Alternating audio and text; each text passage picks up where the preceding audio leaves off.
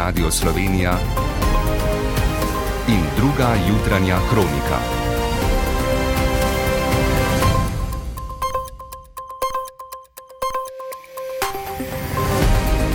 Ura je sedem. Dobro jutro. Lepo pozdravljeni. Izraelski povračilni napadi so se v večjem obsegu, kot kaže, preselili tudi na Zahodni breg.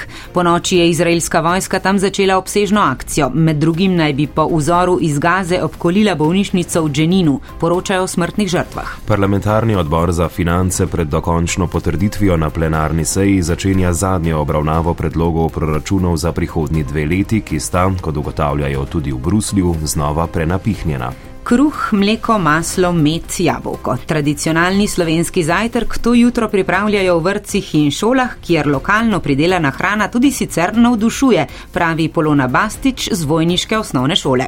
Povem vam lahko, da je tu najmanj završene hrane. Stanejo samo drobtinice. Pred slovensko nogometno reprezentanco je pomemben dan. Zmago na gostovanju na Danskem bi se Slovenija po več kot dveh desetletjih uvrstila na Evropsko prvenstvo. Selektor Matjaš Kek. Nogomet se je vrnil na slovensko športno karto z eno generacijo, ki je unikatna, ki je posebna, ki je svoja. Danes še možna kakšna ploha, konec tedna prinaša hladna jutra, na to pa tudi kar precej sonca. Z vami sva Miranda Bratkič in Benjamin Jeram.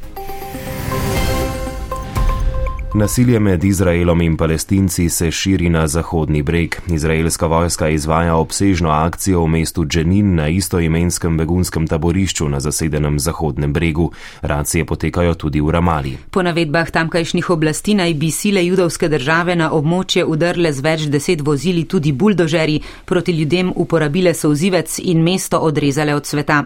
Poročajo o več žrtvah na palestinski strani in bojih med stranima.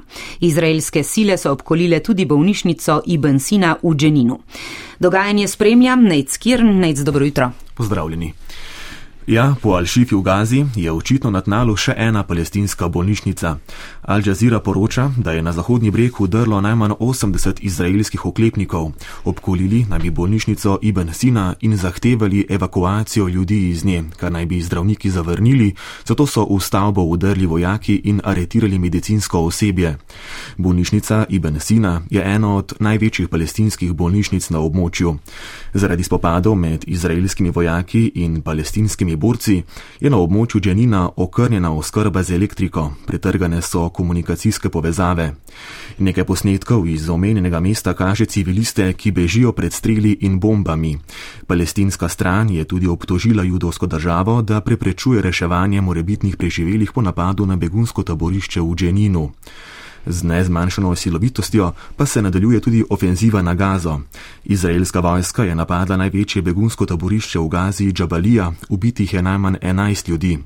Prebivalce največjega mesta na jugu Gaze, Han Yunis, so pozvali naj se omaknejo na varno.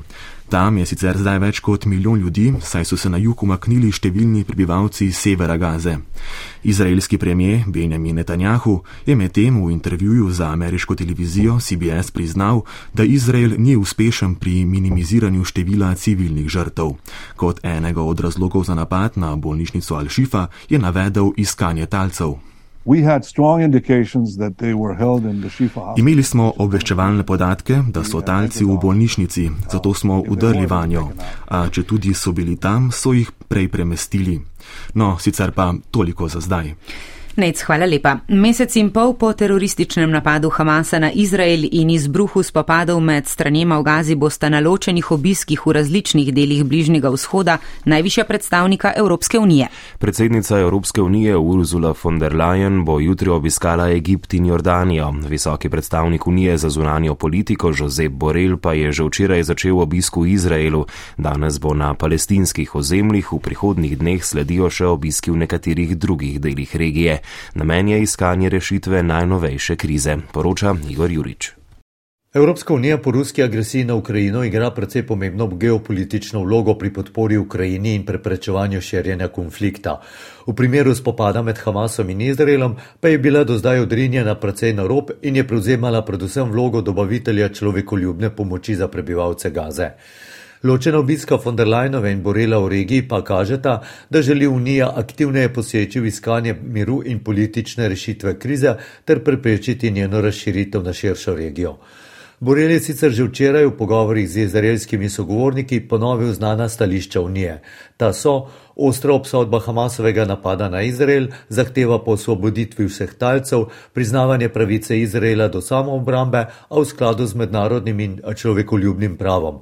Zaradi hudega trpljenja ljudi v Gazi in umiranja nedolžnih ob silovitih napadih izraelske vojske, pa je visoki predstavnik Unije za zonanjo politiko Jozef Borel včeraj očitno želel dodatno pritisniti na Izrael. Po srečanju z zunanim ministrom Kovenom je Borel tega pozval, naj Izraela ne prevzame bes, ki ga čuti zaradi grozovitega napada Hamasa.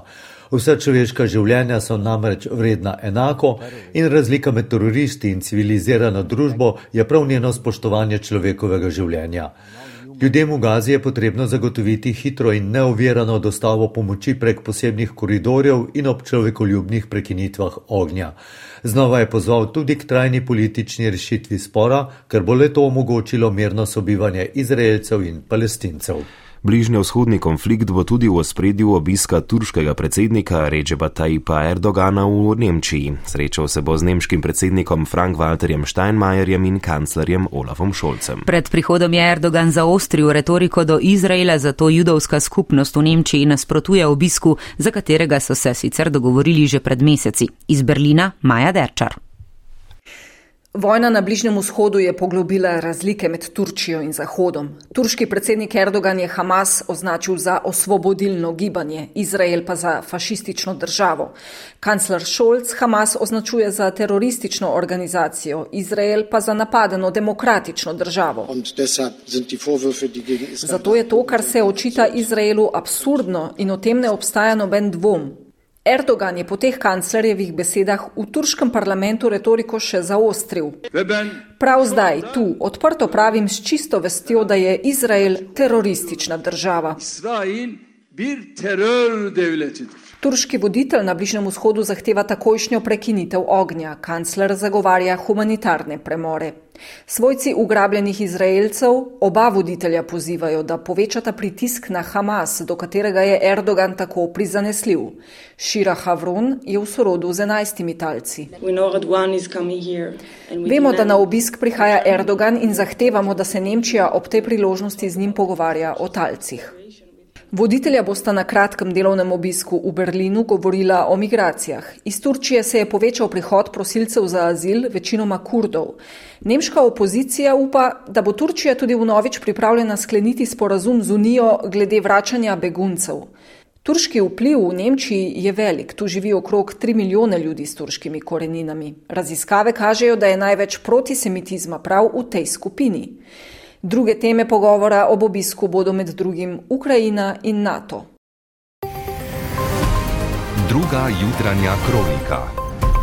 Ura je 7 in 8 minut. Začenja se proračunski maraton. Parlamentarni odbor za finance bo danes najprej obravnaval proračun za leto 2025, jutri pa še za prihodnje leto. Prihodnji teden bo na to proračunske dokumente za prihodnji dve leti dokončno potrjeval državni zbor. Zamrznitev socialnih transferjev in plač je pred dobrim mesecem predlagala sama vlada, ter zato požela kritike z vseh strani. Ker pa se z umikom zamrznitev strinja in zaradi udobne večine, ki jo ima v parlamentu, bo potrjevanje proračunskih dokumentov zgolj formalnost. Več komentatorjev caz de încabacalar. Hitro spreminjanje odločitev je postala stalnica te vlade, prav tako napihnjeni in nerealistični proračuni. Zadnjo ogledalo je postavila Evropska komisija pred dvema dnevoma. Ugotavlja, da bo letos proračunski primankljaj 3,7 odstotka BDP-ja, torej dobre 2 milijardi. Vlada pa je zgolj pred dvema mesecema ob rebalansu zatrjevala, da bo 4,9 odstotka oziroma 3,2 milijarde. Tekoči podatke o realizaciji potrjujejo oceno Evropske komisije. Prihodnje leto je načrtovan primankljaj v višini 2,2 milijarde, od tega dobra milijarda za stroške po poplavah. Po novem je predvidena tudi uskladitev socialnih transferjev, pa višjo povprečnina in uskladitev pokojnin že januarja s februarskim poračunom. Kako bo vlada pokrila te više izdatke? Z višjim primankljajem? Ministr za finance je nedavno izjavil, da si vedno pustijo rezervo. Prihodnje leto bo prav rezerva izredno visoka, prek 1,7 milijarde, s tem pa toliko več možnosti za prerasporajanje. Poleg napihnjenih proračunov pa javne finance poslabšuje še ukinitev dopolnilnega zdravstvenega zavarovanja. Transfer iz proračuna v zdravstveno blagajno se z letošnjih 240 milijonov prihodnje leto dvigne na 450 milijonov. Za pokojnine bo šlo iz proračuna 1,3 milijarde in za obresti bo treba vsako leto odšteti 100 milijonov več, prihodnje leto 800 milijonov. Vse to pa pomeni, da bo za vse druge izdatke ostalo manj. Ministrstvo za zdravje bo obseg in način financiranja zdravstvenih storitev, kot kaže, tudi letos določilo z uredbo in ne z dogovorom vseh v sistemu. Predlog splošnega dogovora, ki ga je pripravil Zavod za zdravstveno zavarovanje, je namreč ministrstvo zavrnilo, ker ni vseboval vseh njegovih usmeritev za prihodnji dve leti. Če bodo torej sprejeli uredbo namesto dogovora, to pomeni, da zdravstveni izvajalci nimajo možnosti uveljavljati svojih predlogov in interesov. Helena Lovinčič. Malo verjetno je, da bosta ministrstvo in zdravstvene blagajna uspeli uskladiti splošni dogovor do konca meseca. Zavarovalnica sicer ne nasprotuje smernicam ministrstva, meni pa, da bi se določene, kot denimo upravljanje čakalnih seznamov in uvajanje kazalnikov kakovosti, moralo dogovoriti širše, tudi stroko. Tako bo očitno že drugo leto zapored zdravstveni program določen z uredbo, kjer pa izvajalci nimajo besede, imajo pa predloge. Vede direktorice Združenja Združenja zdravstvenih zavodov Tatjana Jevševar. Vsekakor dvig minimalne plače, ki se je v zadnjem času zgodila v Sloveniji in ni uveljavljena v cenah zdravstvenih storitev, uveljavitev stroškov regresirane prehrane in prevoza na dela, ki je sestavni del pravic zaposlenih iz naslova kolektivnih pogodb, Predlagajo tudi širitve programov, kjer so čakalne dobe najdaljše, tako za ohranjanje duševnega zdravja, fizioterapijo ter širjenje splošnih ambulant in šolskih dispanzerjev v regijah z nižjo dostopnostjo. Ostro pa nasprotujajo smernici ministerstva, po kateri se ukine program, ki se izvaja le 20 odstotno, to je enkrat tedensko. Tako bi naprimer Ilirska bistrica izgubila centr za zdravljenje odvisnosti, našteva Jevševar tudi enota za bolezni urgentnega centra v Brežicah. Recimo v zdravstvenem domu Kršku se ukine 01 tima dežurne službe, kar vpliva na dostopnost do neprekinjenega zdravstvenega varstva. Rentgen v 13 izpostavah Zavoda za zdravstveno zavarovanje, kar pa pomeni v 51 občinah v Republiki Sloveniji. Predlogi o širitvi programov in finančni popravki so ocenjeni na 140 milijonov evrov. Po avgustovskih ujmah resno razmišljajo, da bi občine bolj vključili v vzdrževanje in urejanje vodotokov. Je po srečanju s krajani v Šoštanju sinoči dejal državni sekretar Boštjan Šefic. Več naj bi bilo znanega v zakonu o obnovi. Direkcija za vode je okrepila konzorci zunanih projektantov, ki snujejo ukrepe na porečjih. Na terenu naj bi bilo 250 ekip s 1500 delavci in 1000 stroji. Tudi občini Šoštan so z odločevalci sinoči iskali rešitve za naselje Podhrastnik. Tam je bila Metka Pirc. O tem zaselku do zdaj nismo prav dosti slišali, se pa tiče prav vseh. 31 hiš v Podhrastniku so namreč zgradili pred 40 leti za krajane družmirja. Vas je potonila v jezero zaradi kopanja premoga, s čimer, kot povdarjajo, so se žrtvovali za energetsko oskrbo države. Naše naselje je bilo poplavljeno že trikrat, 1990, 2012 in letošnjo leto.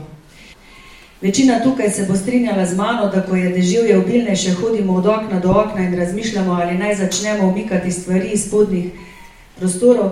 Takrat ne moreš niti jesti, niti spati, skratka, vse to vodi v psihično in fizično bolezen.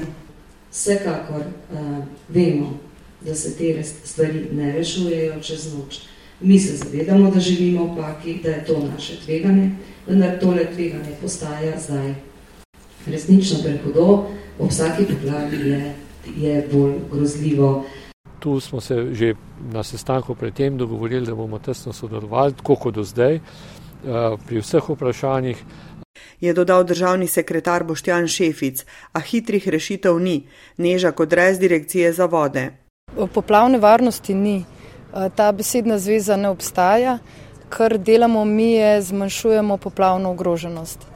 Naša občina je bila izjemno prizadeta. Že podatek, da smo 11 izmed 117 občin, eh, ki smo bili upravičeni do predplačila sanacijskih stroškov, pove, kako zelo smo bili ranjeni. Razlaga šoštanski župan Boris Goličnik. Na pomoč je priskočil tudi minister Bojan Kumer, domačin. Je pa res, da podnebne spremembe so tu. Vedeli smo že lani, predlani in leta nazaj, da prihajajo in to, kar danes počnemo, trajnostno odporno družbo za naprej. In zadnjo besedo naj bi imela stroka. Današnji dan slovenske hrane je priložnost za tradicionalen slovenski zajtrk v večini šol in vrtcev. Cilj sodelujočih je ozaveščanje o pomenu lokalno pridelane hrane in dobrih prehranjevalnih navad. Projekt se je v 13 letih izvajanja dobro zasidral v vzgojno-izobraževalnih ustanovah, ne le kot super zajtrk, ampak tudi kot povezovalni element različnih izobraževalnih vsebin. Letošnja tema v ospredju je kruh, jer nekaj drolec. Bistvo tradicionalnega slovenskega zajtrka je kakovostna lokalno pridelana hrana. Vrtci že cel teden izvajajo različne dejavnosti, s katerimi skušajo pri otrocih oblikovati pozitiven odnos do čebel, kmetijstva, lokalne hrane in zdravega življenjskega sloga.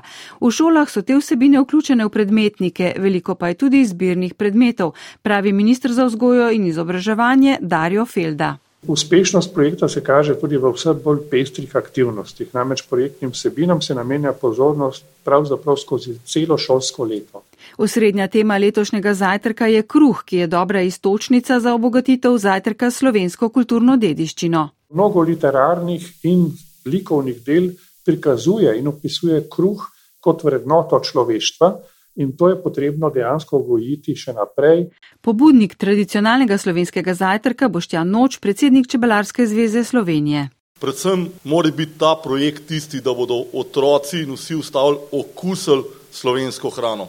Primer dobre prakse na področju šolske prehrane je osnovna šola Vojnik, kjer že v teden za kosila kuhajo tradicionalne slovenske jedi. Polona Bastič, vodja šolske prehrane otrokom ponudimo za primer primorsko uh, joto, kakšno telečjo obaro, letos piše zraven, da je to še ajmohta, ne, kakšno jed, ki vsebuje ješpren. Vsak četrtek pa ponujajo malice, ki so sestavljene iz izključno lokalnih živil. Povem vam lahko, da je tu najmanj zavržene hrane. Ostanejo samo drobtinice. Stanovske organizacije čebelarjev, kmetov in zadrug so na vlado naslovile pobudo, da se dan slovenske hrane podaljša v teden in kot kaže bomo prihodnje leto že obeleževali teden slovenske hrane. Dober tek torej vsem malčkom in šolarjem. Upamo, da se je ob dnevu slovenske hrane še kdo odločil za zajtrk iz lokalno pridelanih živil, pa tudi, da se bodo danes dobro okrepčali člani slovenske nogometne reprezentance. Drevi bodo namreč v Kebenhavnu lovili uvrstitev na Evropsko prvenstvo. Izjemen uspeh bi si zmago nad Dansko že zagotovili, v nasprotnem primeru pa bo odločala ponedeljkova tekma proti Kazahstanu v Stožicah. Več v prihodnih športnih minutah s Klemnom Verličem. Hvala za pozornost. Srečno in nasvidenje.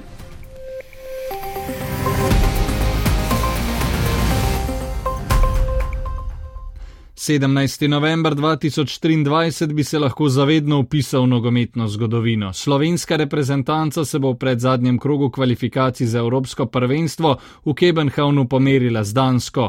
Zmago bi se Slovenija po več kot dveh desetletjih znova uvrstila na prvenstvo stare celine. Pred dvobojem selektor Matjaš Kek.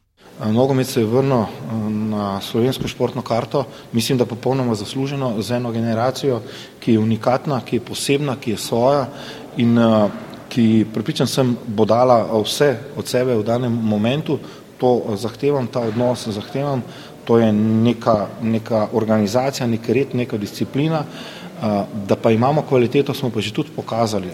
V primeru današnjega remija ali poraza bi Sloveniji za uvrstitev na evro zadostovala tudi osvojena točka na ponedeljkovi tekmi v Stožicah proti Kazahstanu. Obračun z Dansko bomo ob 20.45 spremljali tudi na valu 202. Včeraj sta se igranje na Evropskem prvenstvu že preigrali Mačarska, ki je z 2 proti 2 remizirala proti Bolgariji, in Slovaška, ki je 4 proti 2 premagala Islandijo. Končani so dvoboji skupine A zaključnega teniškega turnirja v Torinu. Italijani Janik Siner je za tretjo zmago v dveh nizih ugnal danca Holgerja Runeja, napredovanje v polfinale si je preigral tudi Srb Novak Djokovic, ki je z dve proti ena v nizih premagal Poljaka Huberta Hurkača.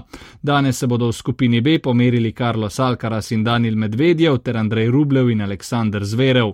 Hokejisti jesenico v Alpski ligi včeraj v gosteh spet proti dve premagali Gardeno, celjani bodo ob 19.30 gostovali pri Lustenau. Pred novim obračunom so tudi hokejisti Olimpije, ki so se včeraj okrepili z ameriškim branilcem Charliem Doderom v razširjenem avstrijskem prvenstvu, v katerem bo v prihodnosti obvezna zaščita vratu, ljubljančane ob 19.15 čaka obračun z Innsbruckom.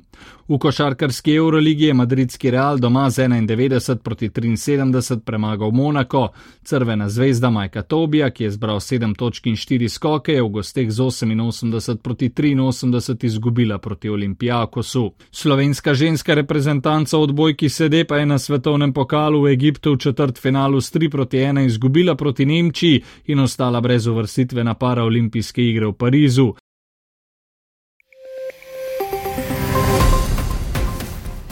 Poslušali ste drugo jutranjo kroniko, urednica Špela Bratina, voditelja Miranda Bratkič in Benjamin Ram, tonski mojster Igor Kropec.